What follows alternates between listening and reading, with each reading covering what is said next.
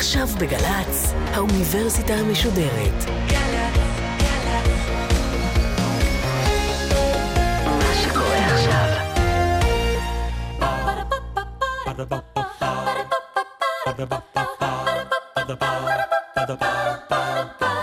האוניברסיטה המשודרת מציגה מסע סביב רעיון, והסמסטר בחירה. והפעם, הפרופסור מנחם בן ששון, נשיא האוניברסיטה העברית בירושלים, על בחירה חופשית ביהדות.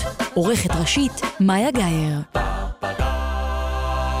שלום למאזינים, שמי מנחם בן ששון, אני מרצה להיסטוריה של עם ישראל בימי הביניים באוניברסיטה העברית בירושלים, עכשיו אני מכהן אה, כנשיא האוניברסיטה. זה אירוע מיוחד עבורי להיות מוזמן גם לעניינים של עניינים אקדמיים בגלי צה"ל, כי ביום הזה ובימים אחרים אני מוזמן כדי לדבר על מאורעות היום. ואילו כאן אנחנו עוסקים באירוע שהוא יום-יום, או יומיומי, שימיו כימי העולם, והשאלות שמעסיקות את כל אחד מאיתנו כשאנחנו חושבים, מתחילות בשאלה, האם יש לנו בחירה חופשית? אנחנו לא נעצרים לחשוב עליה. אבל שאלת הדטרמיניזם, קרי, האם הדברים מוכרחים, האם הדברים נקבעים, האם הקביעה של מישהו על מה שמתרחש מסביבנו מונעת אותנו מלהחליט את ההחלטות? השאלה הזאת היא שאלה שמעסיקה כל בוגר, אבל לא רק בוגר. ילדים קטנים, בגיל הגן, הרבה פעמים שואלים את השאלה, אז מי מחליט? ואת השאלה מי מחליט הם מבקשים אה, להעתיק אליהם. הם מבקשים שתהיה להם היכולת להחליט, ולא רק לגננת, ולא רק להורים, באותם שנים שהם מצליחים לפתח את האגו. זאת אומרת, הפיתוח של האישיות של הילד, הפיתוח של האישיות של מי שאחראי למעשיו מנקודת מבטו של הבוגר, קשור בשאלה של אז מי מחליט? האם אני החלטתי את ההחלטה שלי, שואל הילד, האם אני החלטתי את ההחלטה שלי, שואל המבוגר, כשהסתבר לו שסדרה של מאורעות הובילו אותו לפתחה של תוצאה מסוימת, ואולי התוצאה הזו לא הייתה תוצאה רצויה? אלה הן שאלות ששאלנו את עצמנו, שאלתם את עצמכם במהלך הקורס, וגם לאחר המפגש הזה, השאלות הללו תעמודנה ברומו של הקורס הזה על בחירה.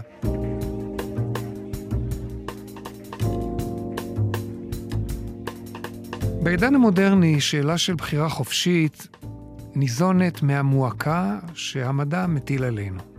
אנחנו לומדים, אנחנו מפתחים, יש לנו תופעות כימיות, תופעות פיזיקליות, ביולוגיות, נוירולוגיות, מיד נגיע אליהן, והמחשבה היא, אנחנו יודעים לפענח את הכללים שעומדים מאחורי, מאחורי התופעות הללו. אבל רגע אחד לאחר שפענחנו, פיצחנו את החוקים, את הכללים, כשאנחנו חוזרים אל היום-יום שלנו, האם החוק הכימי הזה גם גרם לנו להחליט החלטות שהן מעבר להחלטות האוטונומיות שלנו? זאת אומרת, שהחלטנו אותן במו מחשבתנו, במו רצוננו, או שיש כאן סדרה של תהליכים מדעיים שניתחנו אותם בדקות, בשעות, בימים, או בדורות לפני שהגענו לפיצוחה של הנוסחה, שהכניסו אותנו לתעלה שהגבילה את הבחירה שלנו. הדוגמה הטובה ביותר שאפשר לתת זה היום מדעי המוח. ולא לחינם אתם עוסקים במדעי המוח, או אנחנו עסקנו במדעי המוח, במדעי המוח ביותר מפגישה אחת כאן בקורס הזה, משום שהתחושה שאם אתה מחבר אלקטרודות למוחו של האדם, אתה יכול לצפות את הצעד הבא שהוא יעשה, או אם ידעת לנתח טוב מאוד תהליכים ביולוגיים, כימיים, גנטיים, ידעת לנתח את הדברים ניתוח טוב, אז אתה יודע לצפות היטב מה תעשה אותה אישה, או מה יעשה אותו אדם, אתה עומד מן הצד, ואתה יודע, זה ברור שהוא צריך היה להגיע להחלטה הזאת. זה המפגש הלא נוח של האדם המודרני ושל ההוגים המודרניים, הפילוסופים המודרניים, אל מול המציאות שנראית כאילו, כאילו היא מוכתבת על ידי חוקי מדע, ואת חוקי המדע היום אנחנו יודעים לפצח. האמת היא שהשאלה הזאת לא רק מעסיקה את המדען המודרני, היא מעסיקה גם את הפילוסוף היווני. הפילוסוף היווני חשב שאלוהים לא צריך להתעסק בענייני היום-יום של האדם, אולי אפילו העניינים הללו הם פחות חשובים או פחות מדי חשובים, וכשהפילוסוף היווני או הפילוסופים היוונים ניסו לשרטט את דיוקנה של האחריות האנושית, חירות המחשבה שיכולה לפתח פיתוח מדור לדור, הם הגבילו אותה אל מערכת של חוקי טבע, ויש לנו דטרמיניסטים בקרב גדולי ההוגים, גדולי הפילוסופים, דווקא משום שראו, הם ראו לנגד עיניהם את הכוחות הגדולים של הטבע מצד אחד, ומצד שני, את מגבלת מחשבתו של האדם, והם ניסו לפתוח אותה במניפה גדולה, במניפה צבעונית של אפשרויות מחקר, של אפשרויות מחשבה. ואת השאלה הזאת, בואו נחזור יחד עכשיו אל העולם המודרני, זה שלמדנו וזה שאנחנו מפתחים. אם כך, שאלת הבחירה החופשית של האדם נידונת בראש ובראשונה בהתנגשות של בני, בין שני רצונות. האם זה הרצון האנושי שקובע, או יש רצונות אחרים מעבר לקיר? השאלה הקריטית היא, אז מה אחריותו של האדם על מעשיו? אם יאמר המדען, שבתנאים הגנטיים הללו, ובתנאים הסוציו-אקונומיים הללו, זה יאמר מדען מדעי החברה וזה יאמר מדע, מדען מדעי הטבע, ולצידו של מדען מדעי, מדעי הטבע הגנטי יעמוד מדען מדעי הטבע הנוירולוגי, והם יגידו, לא הייתה יכולה להיות אלא תוצאה שכזאת, אז שאלת חירות ההכרעה, וכתוצאה מזה האחריות המוסרית על המעשה שלך, היא מוגבלת, ואם היא מוגבלת, מה טיבה של הענישה? מה טיבם של מערכת החוקים? הם נועדו אולי רק לאנשים שמשוחררים משאלות גנטיות, משאלות התנהגותיות, חברתיות, כלכליות, נסיבתיות? בואו נלך אם כך אל העולם הדתי. אל העולם שבו נוצרה הפילוסופיה, ההגות הדתית. כאן ההתנגשות היא לא בין המדע לבין רצונו של האדם. כאן ההתנגשות היא בין האלוהים לבין רצונו של האדם. אלוהים ברא את האדם, הוא כל יכול, הוא טוב ומיטיב. כיצד תיתכן לאדם בחירה חופשית, מוסרית? איך זה יכול להיות אם כך? ואם זה יכול להיות, ויש לו בחירה בין טוב לבין רע, למה נתת לו את הבחירה הזאת אם אתה רוצה שהוא יעשה את הטוב ולא יעשה את הרע? הרי כל מה שקורה הוא רצונו, אם, אם אפשר להגיד רצון על דבר כל כך אינסופי כמו, כן. ה, כמו הבורא. אפשר להבין בצורה לוגית שגם רצונו של הבורא שאנחנו נשב עכשיו ונדבר. כן. כי אם זה לא היה רצונו, לא היינו מגיעים לפה. אנחנו נמצאים בתוך רצון אחד גדול. כן. שנקרא מחשבת הבריאה או רצון של הבורא. אנחנו נמצאים בתוכו.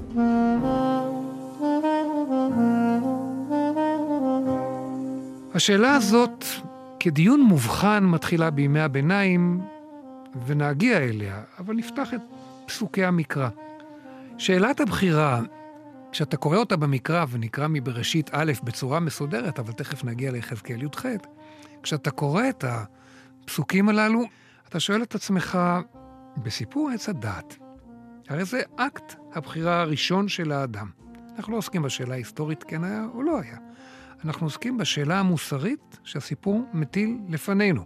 משום שעוד רגע יטילו עלינו גם את כובד העונש. סיפור בסיפור עץ הדת, אקט הבחירה הראשון של האדם, הרי זה אקט בחירה במה?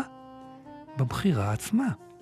האדם נקרא לבחור בין עץ הדעת טוב ורע, זאת אומרת, האם הוא יהיה מכאן ואילך מסוגל להבחין בין טוב לבין רע?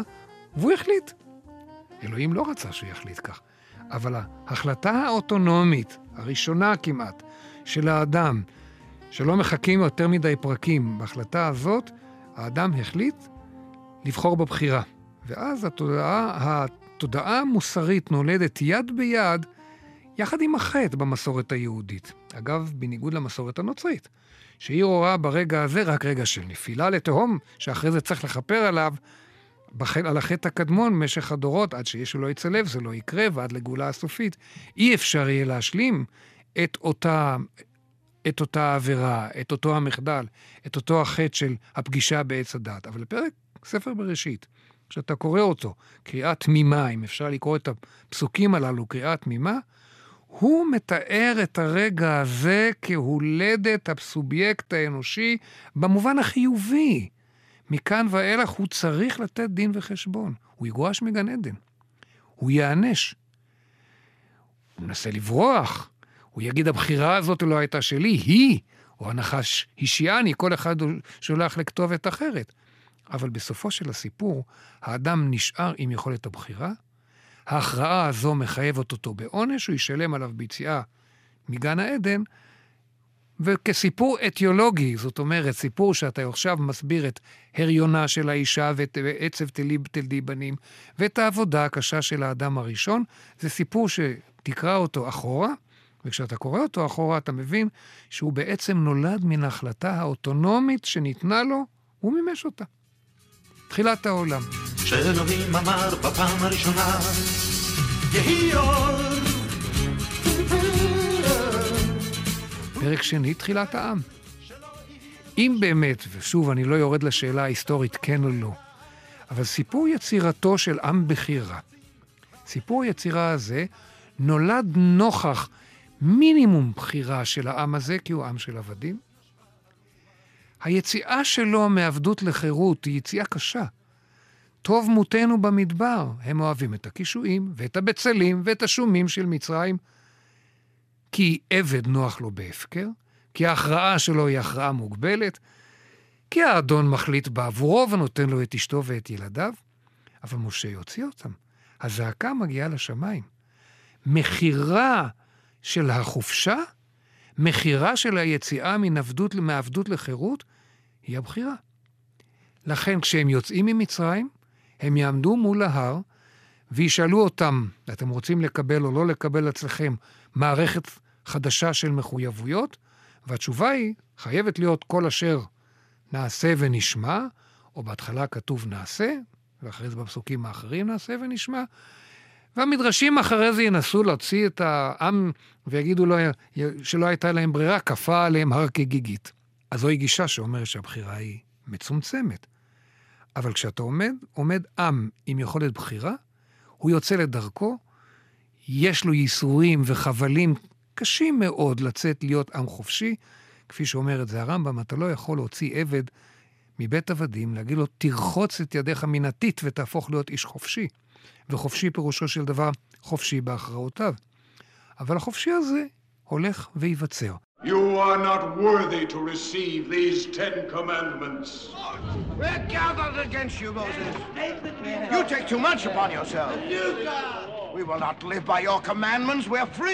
וכשמסתבר שהדור הזה לא מסוגל להחליט החלטות חופשיות, אז הדור הזה ימות במדבר, ייוולד דור חדש שיוכל להיות דור חופשי, שיצא לארץ משלו ולהכריע את ההכרעות שלו כהכרעות ציבוריות. אבל מול העם הזה, ומול מנהיג שבוודאי בוחר את חייו להרוג את המצרי ולברוח, ואחרי זה בצו האלוהים לחזור, ומנסה להתחמק, מול, הס... מול הקטע הזה עומד מנהיג של אומה חופשית, פרעה. הוא בעל יכולת הבחירה המרבית, הוא אלוהים. ופרעה עומד בפני הבעיה שנשנלת ממנו הבחירה. הקשיית ליבו של פרעה פותחת בפני ההוגים, וזה יקרה לאחר מכן, תפתח בפני הפילוסופים מאוחר יותר, שאלה של איפה בחירתו של פרעה. מפשוטם של פסוקים, אין לו. ברגע שהוא עשה את המעשה הרע, הוא יצא לדרך, אל דרך הרדיפה והשיעבוד והרצח. ברגע שהוא מנהיג עם בצורה שהיא צורה בלתי תקינה בעליל, כוח עליון שולל ממנו את הבחירה וזה אפשרי. אז עומד פרעה נטול בחירה, שבסופו של הסיפור ייענש עונש שאין מוצא ממנו, אחרי עשר מכות, וייוולד עם חופשי, שכדי להוליד אותו, התהליך יהיה תהליך איטי, אבל הוא ייוולד כעם חופשי. אז גם בסיפור תחילת העולם, העולם וגם בסיפור תחילת העם, המהות של שני הסיפורים הללו היא מהות של בחירה ושל אחריות שנולדת מתוך הבחירה הזאת. מיציאת האדם מגן עדן ואילך, החירות היא מלאה. זאת אומרת, אתה יוצא מתוך מסגרת שהיא כמו רחם, מגינה, נעים שם. וברגע שיצאת כאדם, ברגע שיצאתם כעם, אתם אחראים. והאחריות היא אחריות שממילא ייוולדו החיים שהם חיים נכונים וחיים נכוחים, והיהודים בימי הביניים ידעו לפצח, ההוגים של היהודים בימי הביניים, ידעו לפצח את התעלומה הזאת, מה טיבה של הבחירה. מה טיבם של הפסוקים, כי אי אפשר למחוק אותם. איך אפשר לקחת דבר שנראה כבחירה ולצמצם אותו, כי ככה לכאורה אומר הכתוב.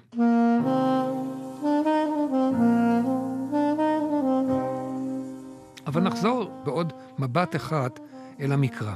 המקרא אמביוולנטי, כבר אמרנו לגבי הבחירה החופשית. מצד אחד יש מקורות מאוחרים, כמו ספר דברים, שמדברים על זה שאדם יכול לבחור, ראה נתתי לפניך היום את החיים ואת הטוב, את המוות ואת הרע, ולאחר מכן יאמרו, ובחרת בחיים. ומאיימים. ומצד שני, יש תפיסה של אשמה שעוברת בירושה מתוך תפיסה של אחריות, ושל בנים שנענשים על חטאי, חטאי אבותם, פוקד עוון אבות על בנים ועל בני בנים. הפסוק בספר דברים יגיד שזה נעצר. יחזקאל לא יקבל את זה. יחזקאל, פרק י"ח, הוא המקום הראשון, המלא, המפורט, שמתמודד עם הפסוקים הללו, ושם הבחירה החופשית מנוסחת כעיקרון תיאולוגי מרכזי. לכל אדם יש מערכת יחסים אישית עם אלוהים, ובידו של האדם הכוח לעצב אותה. ונצא לדרך כשהיא תיווצר התורה שבעל פה, כשתפיסתו המלאה של יחזקאל, שיכולה להסתדר בדוחק עם חלק מהפסוקים, אבל לגמרי בשלווה עם רובם, אפשר יהיה לצאת איתם לדרך. והכל בידי שמיים, יגידו חז"ל, חוץ מיראת שמיים, כי בדרך שהאדם רוצה ללך, מליכים אותה. הבל הבלים אמר קהלת, הבל הבלים הכל הבל. ובאותו המהלך המקראי, אחרי יחזקאל אה, בפרק י"ח, ואני לא עכשיו נכנס לשאלה מי, מי כתב מה ומתי, קהלת מצילה, מציגה את הדילמה. אתה קורא את קהלת, אתה מתחיל אותה, ונדמה לך שהמלך שבירושלים, קהלת, שהיה המלך בירושלים, יבוא עם האמיתות המובחנות ביותר. ואחרי ההבל, ועוד הבל, והעולם שמתגלגל בעצם בצורה דטרמיניסטית. הכל הולך והכל בא, הוא מתגלגל למקום שהוא מתגלגל. זה ספר שהוא מוגדר כספר פסימי, אבל הפסימיות שלו נובעת מתוך זה שאנחנו מאמינים שבחירה היא דבר שיש לו תוחלת, ולכן בלי הבחירה אתה שואל את עצמך לאן אני אגיע. אחרי יחזקאל זה עוד יותר בעייתי, הרי הבחירה היא גם אפשרות להשתחרר מן העונש, ומסבל הירושה של ההורים שלי, של הסבים שלי, של העם שלי. קהלת לא זוכה להכשר בארון הספרים היהודי, וכמעט מוצא את עצמו מחוץ ל-24 הספרים הקנוניים. הוא מצליח להיכנס בזכות פסוקים מעטים שבסוף אומרים, יש אפשרות, שבסוף יש אופציה של אלוהים או יש אופציה של בחירה.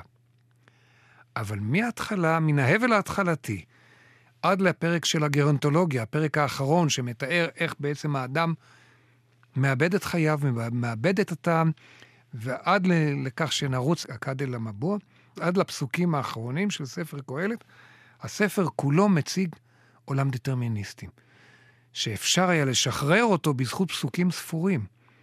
אם נמחק את הפסוקים הללו, קהלת יהווה עוד עדות לכך שהעולם המקראי, אם נסתכל עליו כעולם חתום ב-24 ספרים, משנתו לא הייתה אחודה ולא הייתה סגורה. ליחזקאל יש תשובה אחת, לקהלת יש חוסר תשובות, ובסיפורי המקרא, בסיפורים האתיולוגיים או ההירואיים, המיתיים של ספרי המקרא הראשונים, גם שם מתרוצצות יותר מאשר מחשבה אחת לשאלת, ה, לשאלת הבחירה. הכל צפוי והרשות נתונה, ובטוב העולם נידון. והכל לפי רוב המעשה. אם אני מפרש כך, כמובן שהמשפט הזה הוא פרדוקס. אם הכל צפוי מראש, אז איך יכול אדם לבחור במה שהקדוש ברוך הוא לא הכין לו מראש? אם ייאמר באחד מהמאמרים, הכל צפוי והרשות נתונה, זה לא שצריך להבין את זה שהכל צפוי ולכן אי אפשר לעשות שום דבר. זאת ההתלבטות. הכל צפוי, פירושו של דבר, אפשר לראות אבל הראייה שלך קדימה, של האלוהים, של מי שיכול להסתכל ולחזות תהליכים, לא מונעת את יכולת הבחירה שלך. אנחנו מנתחים היום תהליכים פוליטיים, אנחנו יודעים היום שדרכים מסוימות מוליכות לכישלון כלכלי, לכישלון מדיני, לכישלון צבאי. זה מונע ממישהו ללכת בדרך ולהגיע לאותו הכישלון? לא. אז הצפוי לא בכך שנשלל. הצפוי של אותם המאמרים נותנת אפשרות, מבקשים אפשרות להסתכל קדימה, ולאדם יש יכולת בחירה חופשית עצומה. מה, מה שמעניין שאצל חז"ל דווקא לאלוהים נראה לפחות שיש פחות בחירה חופשית מלאדם. בעידן הזה של פוסט חורבן הבית, כנראה שרצו להעניק, להעניק לאל פחות כוח, פחות חופש, כדי לאפשר לחולשה שלו להוות תירוץ להחרבת בית המקדש, להגליית העם. זה יבוא עוד פעם בתקופת השואה. הדוגמה הקלאסית היא ששלוש פעמים ביום מנהמת בת קול כיונה, אומרת הגמרא בברכות, אוי לבנים שבעוונותיהם הגלתי, הגליתי והחרבתי, ויכל משה מלמד שהפר משה את נדרו של הקדוש ברוך הוא. אז מי מונע, מה מונע מהקדוש ברוך הוא להתיר לו את הנדר? זה מה שאמרנו. התהליך מוביל לאיזשהו יעד. בימי הביניים, הוויכוח האופייני ביותר, האם יש בחירה או אין בחירה, אם ניקח את שני הקצוות, זה בין חסדה קרסקס לבין משה בן מימון. סעדיה גאון, הרמב"ם, הוגים, יהודה הלוי, מוליכים את האנשים בדרך שציירני אותה קודם לכן כדרך של בחירה חופשית מלאה, של מלוא האחריות, של נטילת הסמכות של האדם על מעשיו, של אוטונומיה מלאה, ואפילו התמודדות עם השאלה מה טיבה של חוסר הבחירה של פרעה. יש להם תשובות לשאלות הללו, אלוהים נתן לו תחום מצומצם. תורת היחסות, לא של איינשטיין, נותנת אפשרות להוגי ימי הביניים לתת מרחב לאלוהים לא לשלול לגמרי את בחירתם של האנשים. התוקף של הסמכות של האוטונומיה, המחויבות של האדם לעמוד ולתת דין וחשבון על מעשיו, החובה של ציבור לשאת בעונש, ומצד שני ליהנות וגם להגיע לתקווה של גאולה, אחרת איזה תקוות גאולה יש לך? אם אתה מסתובב במסלול שאין ממנו שום דרך, משום שהאומה הזאת מצליחה והאומה הזאת מצליחה, איך אומר את זה יהודה הלוי? בין צבאות שעיר וקדר, עבד כוחי ונעדר, יוצא צבא מישראל. אין יוצא צבא בישראל. איפה, איפה אנחנו? התשובה היא, אתה, אתה נמצא בתוקף המוסריות שלך, בתוקף הבחירה שלך ללכת בדרך שהיא הדרך הנכוחה, וביום מן הימים תקבל את השכר. דחיית הסיפוק, העובדה שהשכר יגיע, גם ברמה האישית וגם ברמה הלאומית, מאפשרת להחזיק את החלש, את הנרדף, את מי שנמצא בשולי ההיסטוריה לכאורה, ליום שבו הוא יוכל לעלות חזרה על במת ההיסטוריה. איך אתה תעשה את זה? תגיד לאנשים שבחירתם במצב של איש חלש, בדרך של החלש, בחירתם בדרך שהנרדף יכול להחזיק מעמד, משום שהוא מחזיק בידו את האמת הטוטלית, כי זוהי האמת גם של הדתות האחרות, היא בעצם הבחירה האישית שהופכת להיות לבחירה לאומית, שנותנת אחרי זה את סיכויי ההישרדות בעידן שהוא כל כך קשה, בעידן שהוא כל כך מורכב. לא צריך להסתכל על גישתו של הרמב"ם, רבי יהודה הלוי, כגישה שנולדת מתוך הסיטואציה הפוליטית של ימי הביניים. היא נותנת תשובה לסיטואציה הפוליטית. אבל היא גוזרת את הדבר המהותי ביותר, אלוהים ואדם. בדיאלוג שביניהם, כוחו של האדם הוא בכוח הבחירה.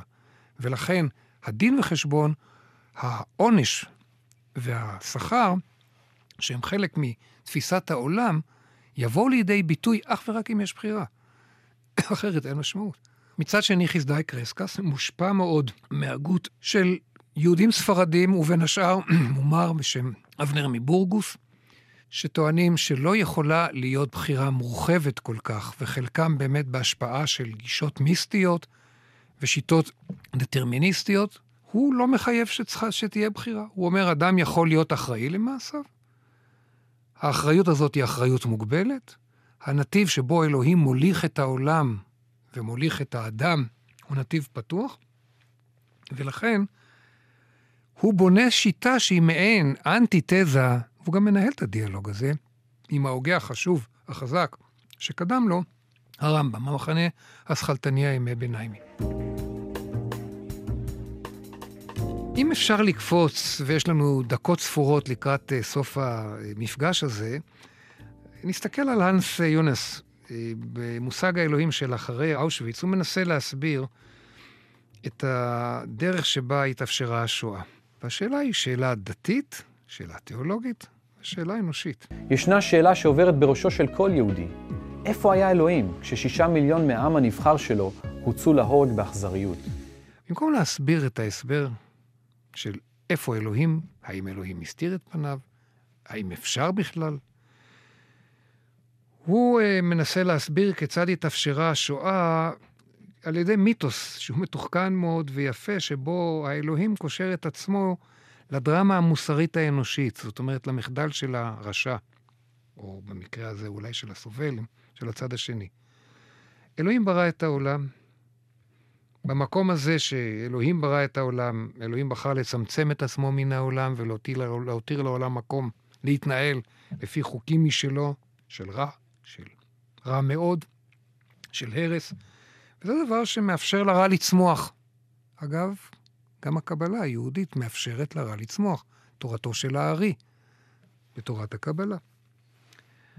בתורה, בגישה הזאת, באותה מידה, יש אפשרות לתת לבחירה מוסרית נכונה להפוך לאופציה ממשית מצד אחד, וזו האופציה של הסובל, או של מדינות שעמדו בצד השני ונלחמו ברוע, ומצד שני, המרחב שבו אלוהים לא מתערב ונותן לאנשים אפשרות לתפקד, מאפשר רוע שכזה שהוא רוע טוטאלי.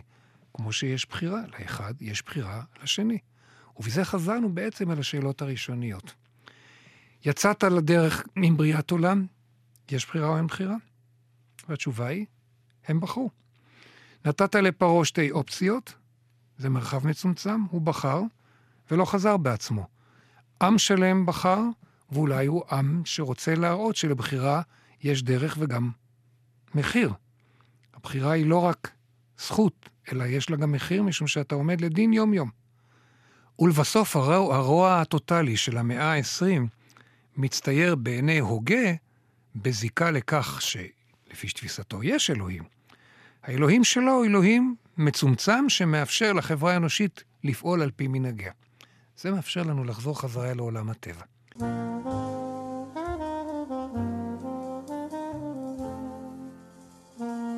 כשיצאנו לדרך בתחילת המפגש היום, דיברנו על המפגש שבין אדם לכאורה לבין צמצום הבחירה בגלל חוקי הטבע שהוא מגלה, בגלל היכולת שלו לראות מהלכים כבלתי נמנעים.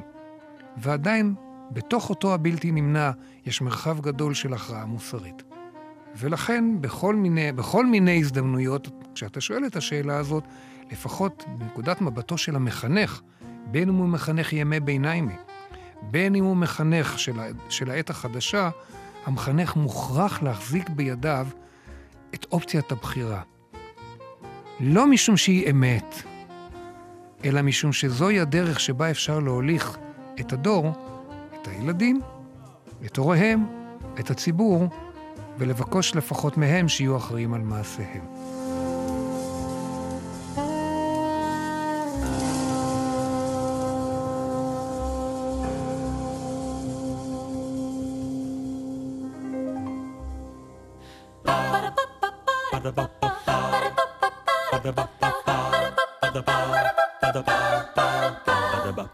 האוניברסיטה המשודרת, מסע סביב רעיון. הפרופסור מנחם בן ששון, נשיא האוניברסיטה העברית בירושלים, על בחירה חופשית ביהדות. עורכת ומפיקה, דרור שדות. ביצוע טכני, מיכאל בקלור. מפיקה ראשית, אביגיל קוש. מנהלת תוכן, מאיה להט קרמן. האוניברסיטה המשודרת, בכל זמן שתרצו, באתר וביישומון של גל"צ, וגם בדף הפייסבוק של האוניברסיטה המשודרת.